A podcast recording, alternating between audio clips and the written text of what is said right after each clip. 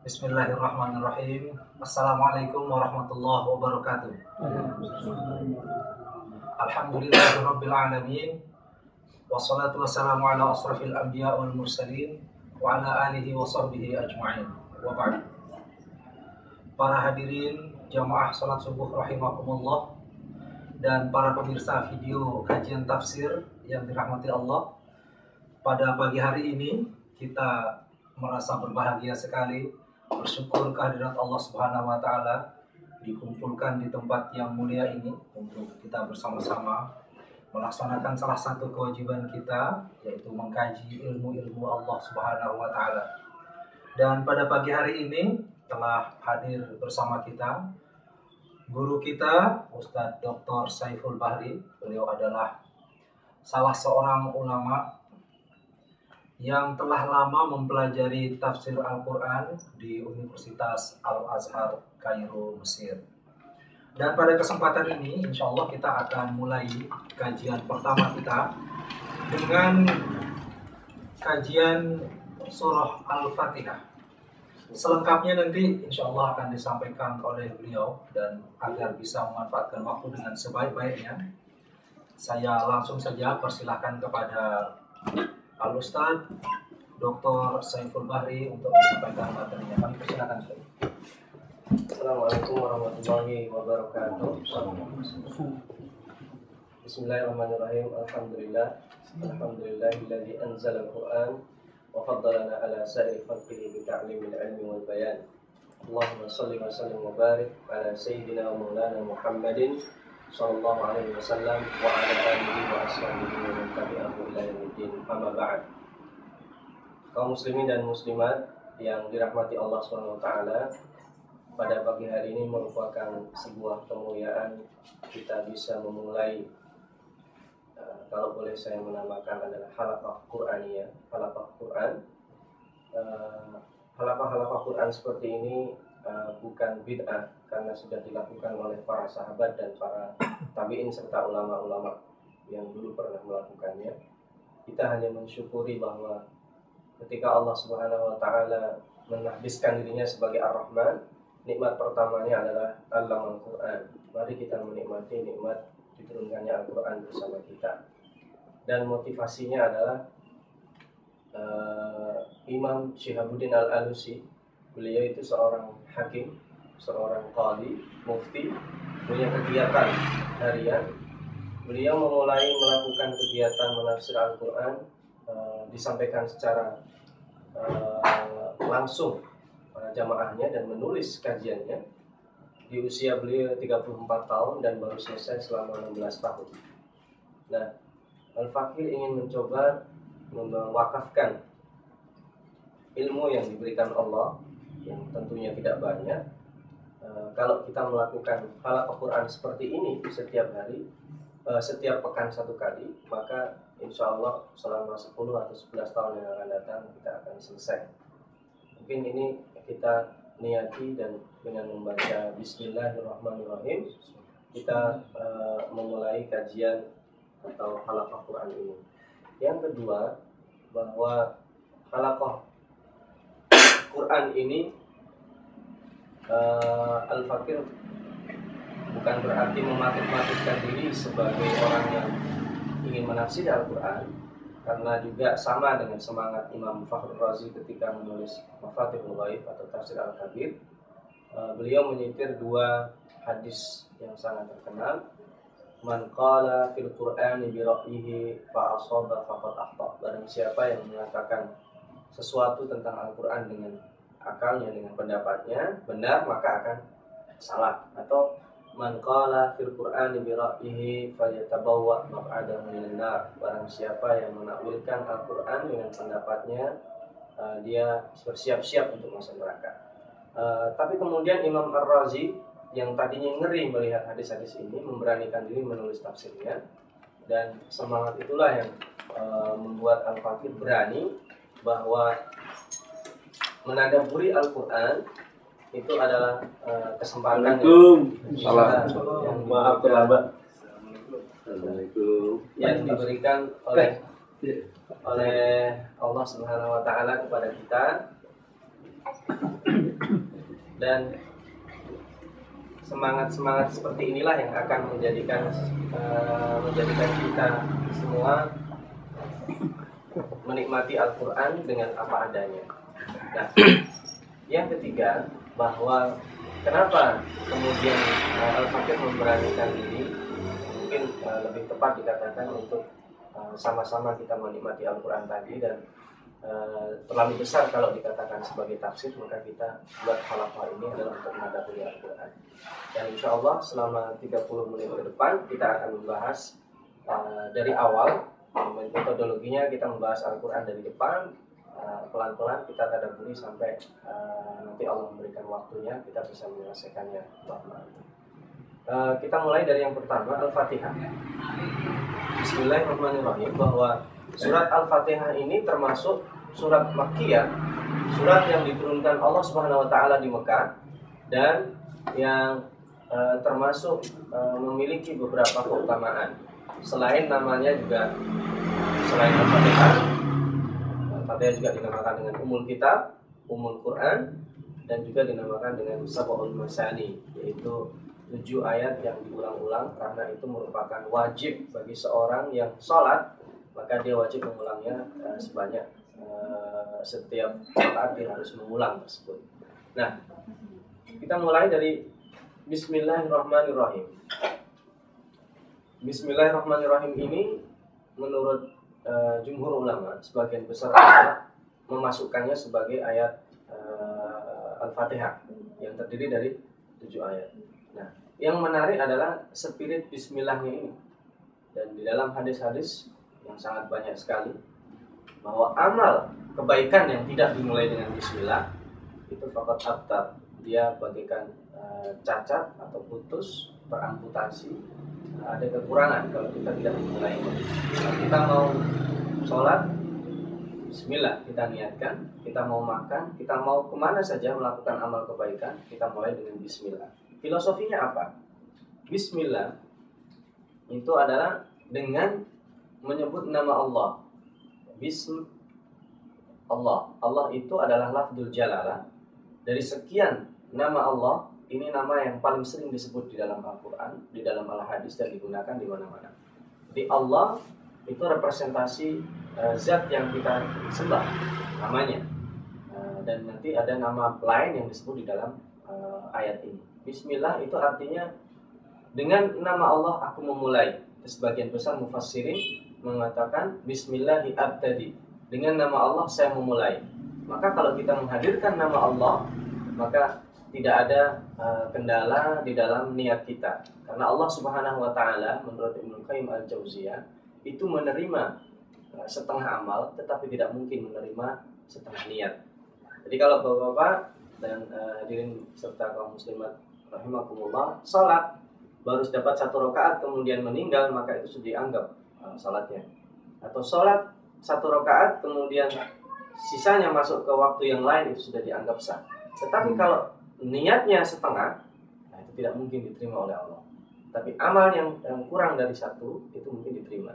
Maka Bismillah ini menghadirkan Allah Subhanahu Wa Taala. Dan filosofinya juga Bismillah itu nanti sama dengan kata saat kita sholat. Pada saat kita sholat itu lafzul jalalah yang paling banyak kita sebut.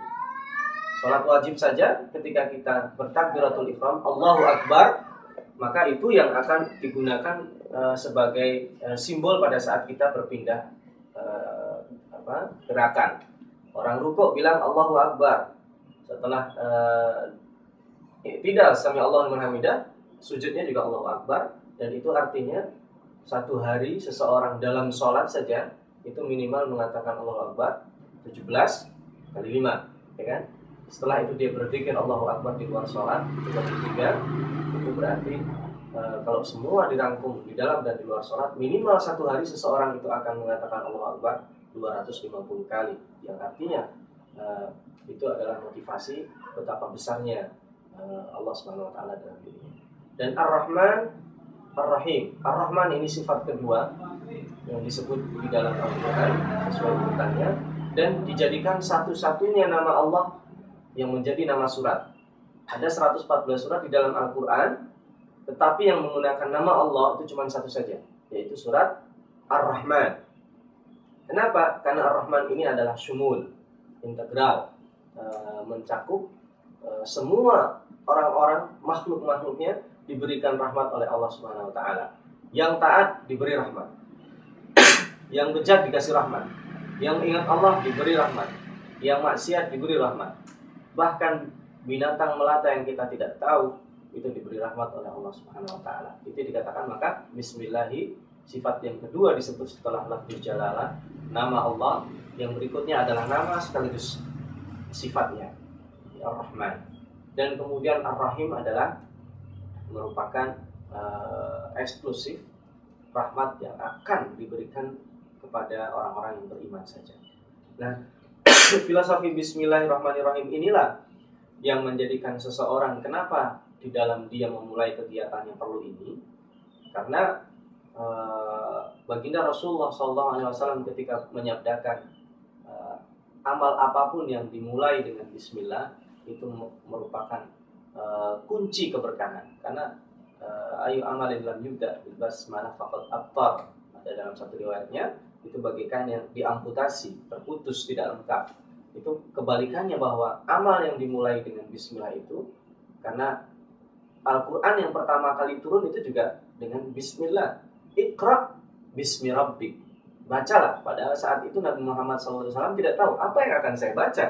Selain saya adalah orang yang buta huruf, ummi, tidak bisa membaca, apa sebenarnya yang harus saya baca?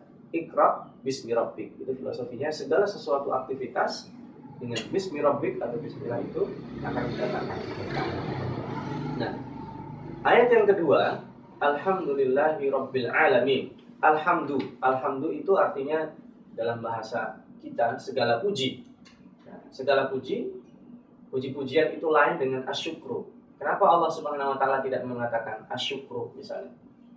Kenapa tidak mengatakan asyukru lillahi rabbil alamin? Karena alhamdulillah itu adalah e, menahbiskan diri Allah. Alhamdulillah segala puji zat yang layak untuk dipuji adalah Allah Subhanahu wa taala. Kenapa? Karena seandainya seluruh manusia dari sejak Nabi Adam sampai nanti diciptakan manusia yang terakhir dalam salah satu hadis kutsinya, "Lau kana awwalakum wa akhirakum wa insakum wa jinnakum kanu ala qal atqa qalbi rajulin wahidin minkum ma zada dzalika min syai'an. Kalau manusia dari Nabi Adam sampai akhir nanti diciptakan dan semuanya kualitasnya sama dengan orang yang paling bagus di antara kita, itu tidak berpengaruh kepada uh, sifat-sifat mulia Allah, kerajaan Allah. Dan sebaliknya, kana awwalakum wa akhirakum wa insakum wa jinnakum kanu ala afjari qalbi rajulin wahidin minkum mana qasadalika min mulki syai'an. Seandainya manusia itu semuanya seburuk orang yang paling buruk kita itu sama kualitasnya, mana qasadalika min mulki syai'an. Artinya apa? Kalau orang seluruh dunia ini nggak ada yang memuji Allah, itu tetap alhamdulillah. Yang layak dipuji adalah Allah. Kenapa? Selain kita layak bersyukur, layak dipuji kenapa? Bapak dan ibu-ibu hadirin sekalian, bangun tidur tadi Coba kita koreksi. Tidakkah tadi malam kita, sudahkah tadi malam kita berdoa minta mata kita disehatkan? Sebagian kita tidak berdoa seperti itu. Tetapi mata kita sehat. Sebagian berdoa tidak berdoa, kakinya disehatkan. Tapi bangun tidur tadi sehat. Sebagian kita lupa berdoa ketika bangun tidur keluarganya masih ada di sampingnya. Jadi kita tidak memerinci doa kita sebelum tidur. Ketika bangun tidur kita diberikan semua yang bahkan kita tidak minta dan terbetik dalam diri kita. Itu layak untuk kita bersyukur dan lebih dari itu zat yang demikian layak untuk dipuji. Alhamdulillah. Maka alhamdulillah kemudian yang menarik lagi setelah mengulang lafzul jalalah itu Rabbil alamin. Nah, ini kalau kita mau menadaburi makna Rabb Rabb Rabbul alamin yang nanti merupakan tauhid rububiyah semua orang harus mengakui bahwa Eh, kalau larinya kepada rububiyah itu adalah Allah SWT. Rob itu dia bukan hanya menciptakan. Orang kalau menciptakan sesuatu kemudian digeletakin nggak diurusin, bangun rumah, setelah bangun rumah udah begitu saja tidak ditinggalin, itu bukan Rob. Rob itu dia menciptakan, mengayomi, memelihara, terus mengembangkan dan disebut di sini alamin. Alamin itu jamaknya alam. Maka Tuhan semua alam Tuhan semesta alam itu maksudnya dia alam manusia Tuhannya Allah alam jin Tuhannya Allah alam binatang Tuhannya Allah juga semua alam itu yang memelihara baik yang hidup ataupun yang tidak hidup itu yang memelihara adalah Allah SWT maka kalau digabungkan Alhamdulillahi Rabbil Alamin segala puji Alhamdulillah itu kullul ham segala puji-puji dan segala penghormatan segala yang layak untuk dipuji adalah Allah taala. Diulang lagi. Inilah ada trilogi sifat dalam Bismillahirrahmanirrahim itu diulang lagi. Setelah lillahi rabbil alamin diulang yang kedua Ar-Rahman Ar-Rahim. Dan di sini di dalam satu ayat khusus itu dua ini yang sebenarnya harus dimiliki oleh manusia dan khususnya adalah umat Islam. Dia merahmati siapa saja. Orang yang membencinya dia harus kasihani dia. Orang yang mencintainya dia harus kasihani dia Orang yang tidak tahu Islam ini harus kita kasihani, kita kasih tahu. Orang yang memusuhi kita, kita harus mencoba ber, berinteraksi secara hikmah. Tetapi Ar-Rahim, Ar-Rahim ini adalah harus ada kasih sayang yang khusus antara kita dengan saudara kita. Itu yang disebut dengan ukhuwah Islamiyah. Jadi ukhuwah Islamiyah pada hakikatnya eksklusif, tetapi tidak meniadakan sifat yang pertama. Karena kita sedang meniru sifat Allah yang disuruh kita meniru la yarham la yurham. tidak mempunyai rasa kasih sayang dia tidak akan diberikan rasa kasih sayang. Ya, irhamu man fil ardi sayangilah orang-orang di bumi yarhamkum man sama maka kalian akan disayangi orang-orang yang ada di langit. Nah, filosofi Ar-Rahman Rahimillah e, dalam berinteraksi dengan kita kita jadikan e, patokan. Setelah Ar-Rahman Rahim, Allah mengatakan berfirman, Malik Yaumiddin. Ini sifat lagi disebut di sini di ayat yang keempat yang memiliki hari pembalasan. Sebelum kita membicarakan Malik, Yaumiddin. Kenapa dinamakan Ad-Din? Ad-Din itu e, aslinya adalah Yaumul Jaza. Jadi nama hari kiamat itu banyak. Ada Yaumul Kiamat, As-Sa'ah, As-Zalzalah, uh, Al-Bayyinah, uh, kemudian Al-Waqi'ah. Di sini disebut dengan Yaumuddin. Kenapa? Yaumuddin itu adalah hari uh, pembalasan din itu kan dari kata-kata uh, tadi nutuda. Kita memperlakukan orang lain, maka orang lain akan memperlakukan kita. Kama tadi nutuda. Kita berbuat baik sama orang lain, orang lain pun kemungkinan besar akan berbuat baik kepada kita. Nah itulah disebut dengan din. Din itu kita sekarang sholat motivasinya kan ingin dibalas. Dan itu diperbolehkan. kita melakukan kebaikan, motivasinya ingin mendapatkan pahala dari Allah. Itu sangat sangat sangat diperbolehkan. Nah, Kenapa? di dalam ayat ini Malik. Allah yang memiliki. Nanti pada saat semua hancur, itu walillahi mirathus samawati wal ab. Jadi Allah Subhanahu wa taala yang memiliki, mewarisi semuanya. Kita hadirin sekalian, mati-matian cari duit, kalau sudah habis kita meninggal yang mewarisi anak cucu kita tetapi itu berlanjut terus sampai nanti hari kiamat. Kira-kira kalau semua orang sudah mati, siapa yang mewarisi? Maka Allah mengatakan, Walillahi mirathus samawati wal Allah yang akan memiliki semuanya. Bahkan termasuk nanti mohon maaf. Semua orang itu nanti hancur karena ditrompet oleh malaikat Israfil yang seluruh seumur hidupnya dia punya cuma punya dua kali tugas new trompet. Nah itu bahkan malaikat pencabut nyawa pun akan habis dan malaikat yang peniup trompet ini pun akan habis. Nah, maka siapa yang memiliki yang tidak ada di dunia ini selain Allah SWT? Malik yaumiddin. Limanil mulkul yaum. Nanti di hari kiamat ditanya kepada semua orang, siapakah yang memiliki hari ini? Akan nanti akan dijawab lillahi wahid. Jadi itu adalah pemilik zat yang esa dan yang bisa memaksa siapa saja. Nah, Nah, kita sampai kepada manzilah pada ayat berikutnya, iyyaka na'bud wa iyyaka nasta'in. Al-Fatihah itu dibagi dua. Ini adalah batasan terakhir. Jadi yang batasan pertama itu puji-puji, sifat. Batasan kedua itu request, permohonan, permintaan. Nah, di ayat terakhir inilah mengumpulkan mengumpulkan dari yang pertama. Kita setelah memuji menggunakan nama Allah, memuji kebesarannya, Eh, kemudian ada Rabbul Alamin Allah yang mengayomi segala alam Allah yang memiliki nanti hari pembalasan, maka sekarang iya karena abud wa iya karena stain itu penegasan kita yang tadi.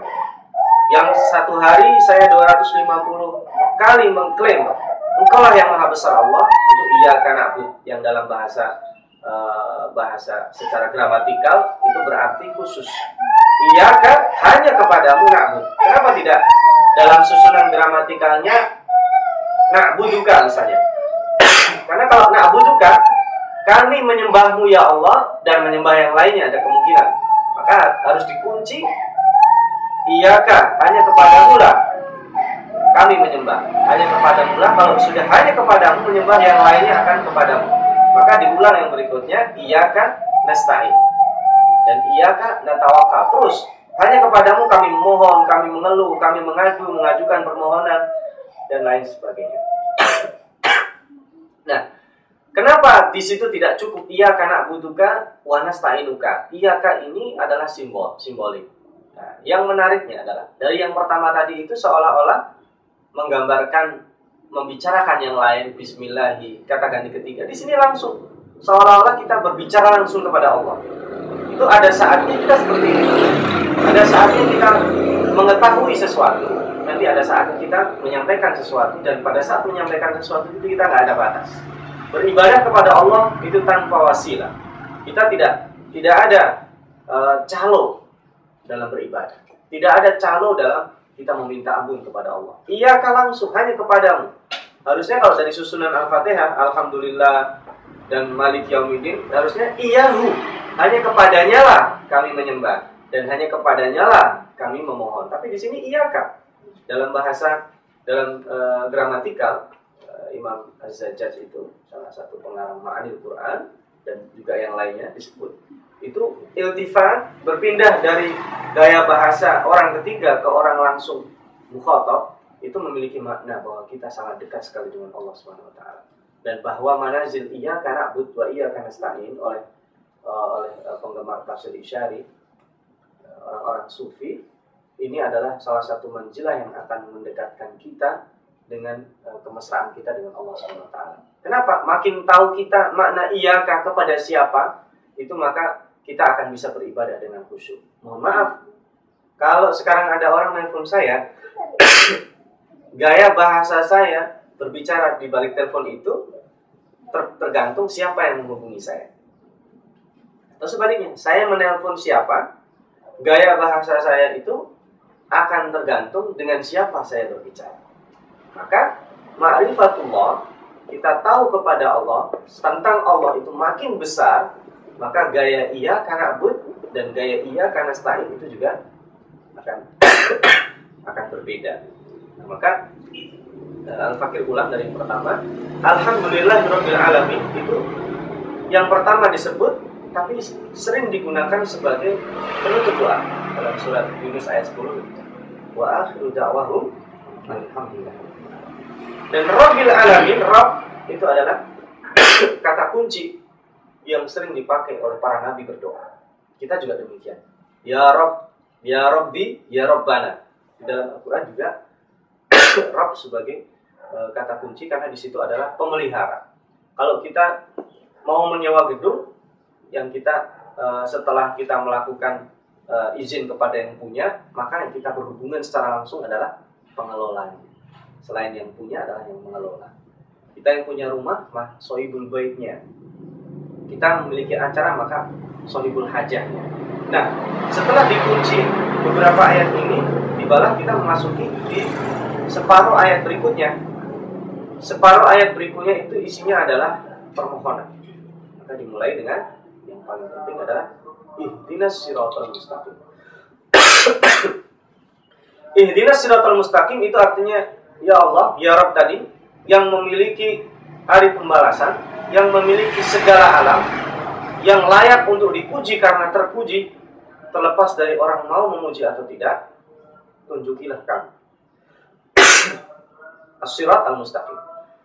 Ihdina, hidayah, itu kenapa tidak misalkan berilah kami petunjuk, tapi lafaznya tidak seperti itu. Itu ibaratnya Al-Fakir diberikan peta petunjuk.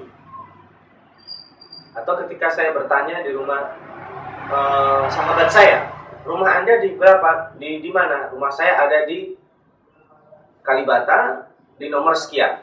Itu saya baru diberikan petunjuk jalan, tapi tidak ada jaminan saya sampai di situ. Nah, makna kita ihdinas siratal mustaqim, sampaikan kami kepada sirat al mustaqim. Bimbinglah kami. Jadi bukan sekedar kalau ihdinas siratal mustaqim kan Allah membuat peta seolah-olah. Ini nih peta. Dan itu sudah dilakukan kepada semua. Al-Quran, nanti kita akan bahas di sebagian perkara pada pertemuan berikutnya. Al-Quran itu petunjuk. Tetapi petunjuk itu akan bisa digunakan hanya bagi orang-orang yang mau menggunakannya. Ihdinas siratal mustaqim itu artinya tunjukilah kami sampaikan kami kepada jalan yang lurus. Kan kita tidak tidak memohon kepada Allah hanya diberikan petunjuk yang sifatnya teori. Kalau petunjuk yang sifatnya teori itu sama dengan kita membeli buku, membeli peta, kemudian itu bisa digunakan oleh orang lain. Kita tidak demikian. Al-Quran itu uh, adalah petunjuk yang, yang digunakan umat Islam, uh, tetapi petunjuk yang akan menyampaikan sampai benar benar-benar kita sampai pada petunjuk yang yang sesungguhnya. Intinya al mustaqim itu adalah uh, sebuah bukan uh, sebuah doa yang sembarangan. Kita minta diberikan petunjuk oleh Allah itu artinya selalu bimbing kami berada di dalam track jalan yang benar. Bukan hanya sekedar teori saja. Maka Al-Quran yang sekarang kita tadabur ini kita berdoa mudah-mudahan yang setiap hari ini Al-Fatihah kita baca tetapi makna-makna baru itu selalu ada. Dan apa jalan yang al-mustaqim itu Allah menjelaskan di ayat berikutnya Siratal ladina an'amta alaihim yaitu jalan orang-orang yang telah engkau beli nikmat. Nah, coba kita sama-sama bahasa yang sangat halus ya. Tadi Allah Subhanahu wa taala sudah menahbiskan dirinya alhamdulillahirabbil. Dan orang yang diberikan nikmat sudah banyak. Siratal ladzina an'amta alaihim ini adalah orang-orang yang setelah diberikan petunjuk tadi, dia sekarang menikmati hasilnya. Yaitu dalam tafsirannya banyak tafsir disebutkan orang-orang yang diberi nikmat Allah adalah para nabi, orang-orang yang jujur, orang-orang siddiqun, syuhada, wassalihin. Nah, maka bukan siratal ladzina an'amta alaihim itu bukan jalan orang-orang yang kau beli kemewahan di dunia, bukan. Bukan jalan orang-orang yang kau belikan nikmat terkenal di dunia, bukan. Bukan jalan orang-orang yang gampang mendapatkan pengaruh, bukan. Tetapi siratal ladzina an'amta alaihim dipertegas di ayat berikutnya. Ini menurut sebagian madhab. Menurut jumhur ulama, ayat berikutnya ini include ghairil maghdubi alaihim yaitu orang-orang yang tidak engkau murkai. Nah, di sini dipertegas. Jadi kita harus merasa ketika diberikan nikmat oleh Allah Subhanahu wa taala, Allah ini memberikan nikmat saya ini kategorinya yang Ar-Rahman apa Ar-Rahim? Allah memberikan nikmat kepada saya ini marah tidak? Kan sama halnya Fakir berikan uh, tafsir ya, perumpamaan. Anak kita mena nangis meraung-raung, dia minta permen. Nah orang tua karena dia sayang sama anaknya, dia tidak beri permen. Tapi anak ini sudah melakukan aksi guling-guling, akibatnya si anak diberikan permen. Tetapi memberikan permennya orang tua ini tidak dengan itu, karena dia khawatir dan juga permen atau yang lainnya permisalan seperti itu. Nah, kita tidak ingin ketika Allah memberikan nikmat kepada kita, Allah itu tidak ridho dengan kita. Maka penegasan ghairil maghdubi alaihim jangan sampai uh, kita diberikan nikmat, apalagi tidak diberikan nikmat dan itu tidak mungkin. Nikmat yang dimaksud adalah an'amta alaihim yang engkau ridhoi, bukan hanya sekedar diberikan nikmat fisik atau non fisik. Dan di sini para mufassirin banyak yang menafsir ghairil maghdub itu adalah uh, identiknya adalah dengan Yahudi yang diberikan ilmu oleh Allah, diberikan kitab oleh Allah tapi tidak bersyukur. Diberikan nabi-nabi Allah tapi dibunuh. Betapa banyak kita diberikan nikmat. Ilmu kita gali, bahkan sampai bergelar profesor. Tetapi nikmat tersebut tidak menyampaikan kepada ridha Allah SWT. Itu kita tidak meminta petunjuk yang seperti itu. Karena percuma. Seseorang memberitahu saya, rumah saya ada di blok sekian, nomor sekian Percuma kalau kemudian saya tidak memakai itu, atau kemudian saya nyampe tapi pakai nyasar-nyasar dulu. Nah, nyasar-nyasar dulu itu yang disebut dengan ghairil maghdubi alaihim walau dhalin. Dhalin itu beda dengan makdub. Makdub itu orang tahu tapi tidak melakukan. Maka diidentikan dengan orang Yahudi. Walau dhalin itu sebagian mufasir mengatakan itu adalah orang-orang Nasrani yang memang mereka kecenderungannya berbeda dengan Yahudi. Mereka tersesat dan tersesat itu karena disesatkan sehingga kita tidak uh, tidak sedang dalam mengkritisi akidah orang lain karena menurut agama kita salah karena sesungguhnya Isa itu bukan Tuhan tapi mereka mengambil itu dan disesat disesatkan konstruksi ini sendiri menjadi lemah. Nah maka kita tidak menginginkan dengan filosofi ihdinas siratal mustaqim. Ini doanya satu saja. Ihdinas siratal mustaqim. Jagalah kami berada di dalam koridor siratal mustaqim ini. Dan makanya kemudian eh, kalau di dalam bacaan sholat kita yang terakhir itu kita disunahkan membaca amin. Amin itu doa dan dalam hadis hadis sahih barang siapa yang membaca amin dan saat itu malaikat membacanya bersama dengan imam maka dosanya akan diampuni oleh Allah SWT. Itu istajib lana. Nah, ini ini kajian uh, singkat kita tadaburi. Karena kalau kita menadaburi permakna, kita membahas misalnya seperti yang dimulai oleh Imam Al-Qurtubi membahas tentang isti'adah. Ta'awud itu lama juga, panjang. Karena kalau kita membaca Al-Quran disunahkan membaca al-isti'adah. Kemudian filosofi bismillah itu hukum-hukumnya juga dibahas oleh Imam Al-Qurtubi dalam tafsirnya, tapi kita tidak membahas di sini. Nah, bismillah itu kita baca jahar atau kita baca uh, pelan itu kita tidak membahas. Kita uh, kita hanya concern uh, masalah objek inti daripada surat Al-Fatihah yang kalau boleh diberikan konklusi Al-Fatihah itu judulnya adalah kemurnian tauhid. Ada tiga setidaknya tauhid yang ada dalam ayat ini. Yang pertama adalah tauhid rububiyah, yang kedua adalah tauhid uluhiyah, yang ketiga adalah uh, tauhid sifat dan asma. Tauhid rububiyah itu adalah kita memurnikan bahwa satu-satunya zat yang mengayomi, memelihara, membesarkan kita, memberi rezeki kita, yang memiliki kita, bahkan termasuk hati kita, yuqallibu kaifa yasha, kita dibuat sedih, dibuat gembira, dibuat tenang, dibuat dan sebagainya itu Allah SWT. Itu adalah tauhid rububiyah. Tetapi penyeimbang tauhid rububiyah ini kita harus juga ada tauhid uluhiyah. Jadi tauhid uluhiyah itu ketika Allah mengatakan ailahun ma Allah adakah Tuhan yang engkau sembah selain Allah? Maka jawabannya tidak ada. Kalau ada nanti man ya'tikum bidia kalau malam itu terus sarmadan ila yaumil kiamat di dalam surat al-qasas. Seandainya malam itu dijadikan Allah terus-terusan sampai hari kiamat man ya'tikum bidia siapa yang mendatangkan?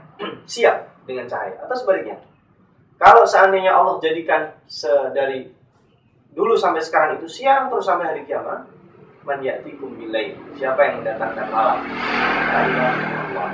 Nah, ini tauhid uluhiyah.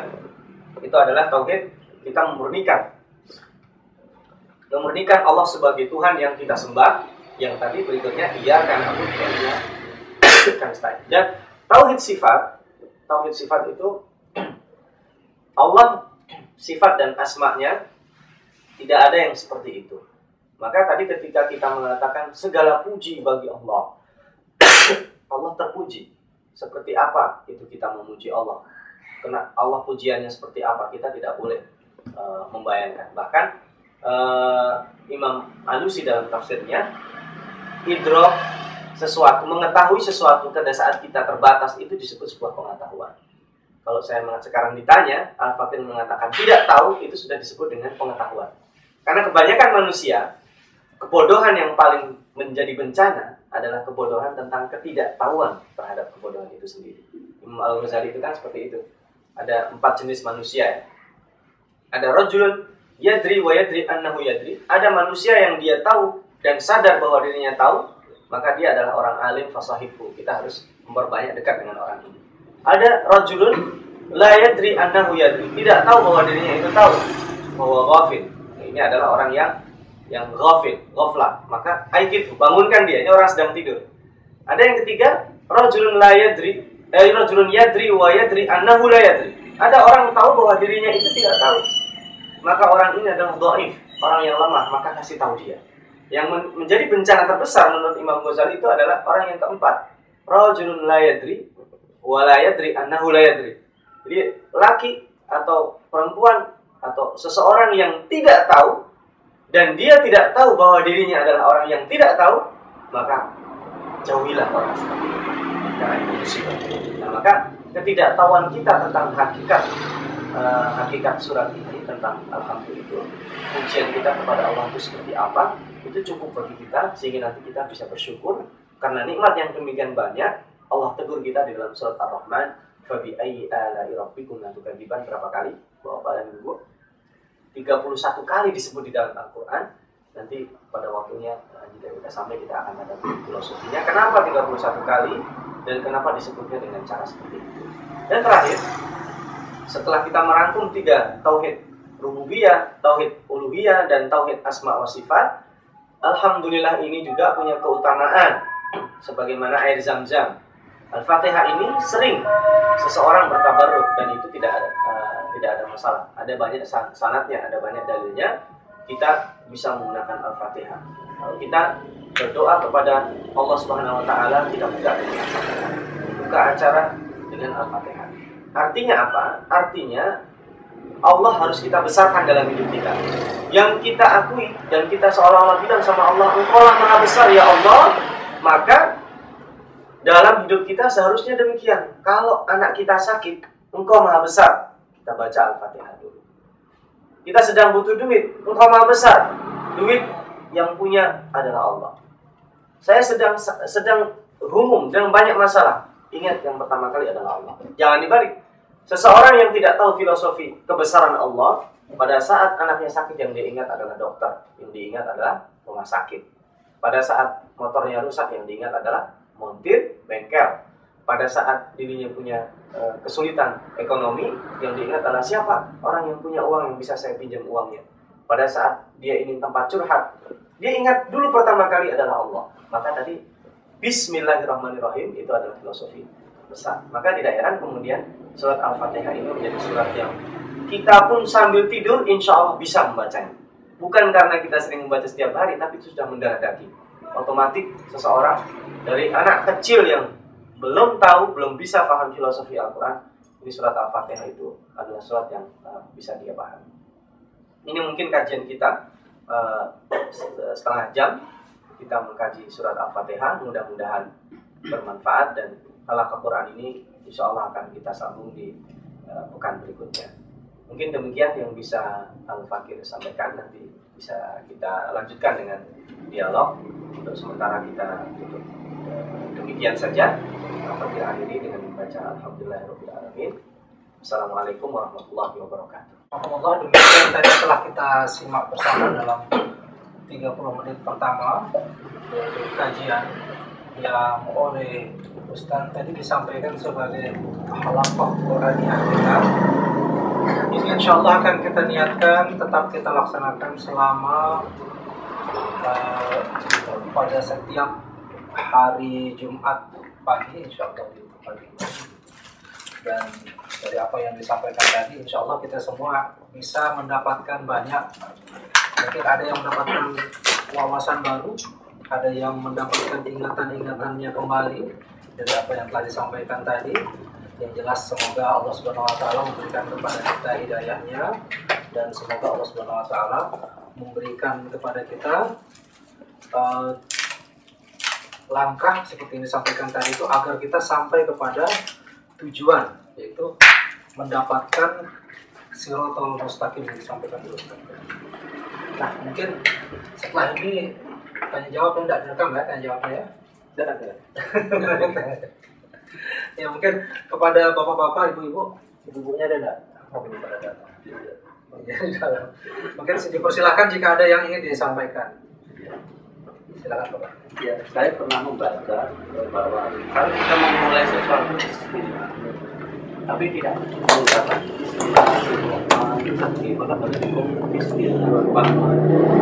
Saya pernah membaca. Tidak apa Bapak. Bismillah itu kan orang makan Bismillah. Iya, iya. Itu uh, kadang orang membaca itu nggak tahu apa filosofinya dia Bismillah. Kalau itu jadi rutin kan makanya kita Al-Fatihah itu dis, eh, disuruh paling banyak dibaca karena supaya mendarah daging. Jadi yang ada di dalam otak kita itu nama Allah itu. Maka membaca Bismillah, Bismillah saja pun tidak ada masalah. Tapi kelengkapannya Bismillah itu susunannya Bismillahirrahmanirrahim itu supaya kita ingat bahwa ada trilogi sifat itu. Sifat keperkasaan, sifat kasih sayang, dan sifat eksklusif. Mohon maaf, eh, saya kepada istri saya tentunya dia akan semakin sayang karena dia adalah orang yang paling eksklusif bagi saya, orang tua saya. Maka eksklu- eksklusivitas itu diperbolehkan. Ukhuwah Islamiyah itu bukan berarti kita nggak toleran, enggak. Ukhuwah Islamiyah itu bukan berarti menafikan yang lain. Maka itu trilogi sifat itu harus dimiliki.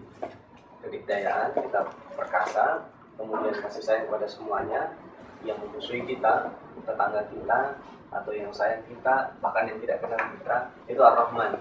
Baru Yesus. Jadi Bismillah aja cukup, lalu Bismillah itu Lebih afdal. lebih afdal. Iya. Tidak salah gitu ya. Ya. Ya, tentang tauhid asma wa sifat Ya. dalam Al-Qur'an di dalam Al-Qur'an Allah berfirman bahwa Allah mempunyai wajah, tangan. Nah, di dalam terjemahan itu ya, Tidak ada banyak sedikit di terjemahannya disebatkan yang lain gitu misalnya Allah berwajah jadi terjemahkannya kepada Kemuliaan. kekuasaannya gitu tangan itu masuk di dalam ayat mutasyabihat nanti kita bahas di pertemuan berikutnya termasuk simbol itu alif lam mim nanti besok kita bahas. Ayat mutasyabihat itu menurut jumhur ulama ada dua ada yang menakwilkan tetapi menurut jumhur ulama tidak ditakwilkan. Allah itu punya wajah tapi wajahnya seperti apa kita nggak boleh tanya. Allah punya tangan ada. Tangannya seperti apa? Tidak tentu tidak. Maka sering kadang diterjemahkan dengan takwil tadi wajah itu kemuliaan tangan itu kekuasaan tapi yang menurut jumhur ulama itu kita nggak usah menafsirkan karena itu kita nggak tahu. Tadi misalkan ar-rahman ala Allah itu bersemayam di singgasananya apakah singgasananya kayak gini? Ya tentu nggak tahu gitu. Nabi Muhammad aja yang pernah ke sana nggak bisa menggambarkan. Nabi Musa saja yang langsung ketemu Allah aja saking nggak tahunya dia pingsan sehingga nggak bisa digambarkan. Tapi semua umat Islam itu nanti yang masuk surga pasti bertemu Allah. Sehingga nanti kita bisa cross check khayalan kita tentang Allah yang sebenarnya tidak diperbolehkan. Nggak etis. Kita menghayal Allah itu seperti apa? Nah itu pertanyaan itu nggak etis. Maka kita nggak usah dipikirkan. Karena yang disuruh itu menadapi ciptaan bukan pada ciptaan. Itu masuk ayat mutasyabihat dan kita disuruh mengimani aja. Kita meyakini aja Allah. Kita yakin. Kalau menurut salaf itu Allah punya wajah, Allah punya yang disebut ya wajah, ada singgasana, ada tangan. Tetapi udah kita nggak usah ditafsirkan ya. Ketika Allah ya Allah fauqa aydihim, tangan Allah di atas tangan mereka. Nanti inna Allah la yastahi, Allah itu malu ini kita bahas. Malunya Allah bukan.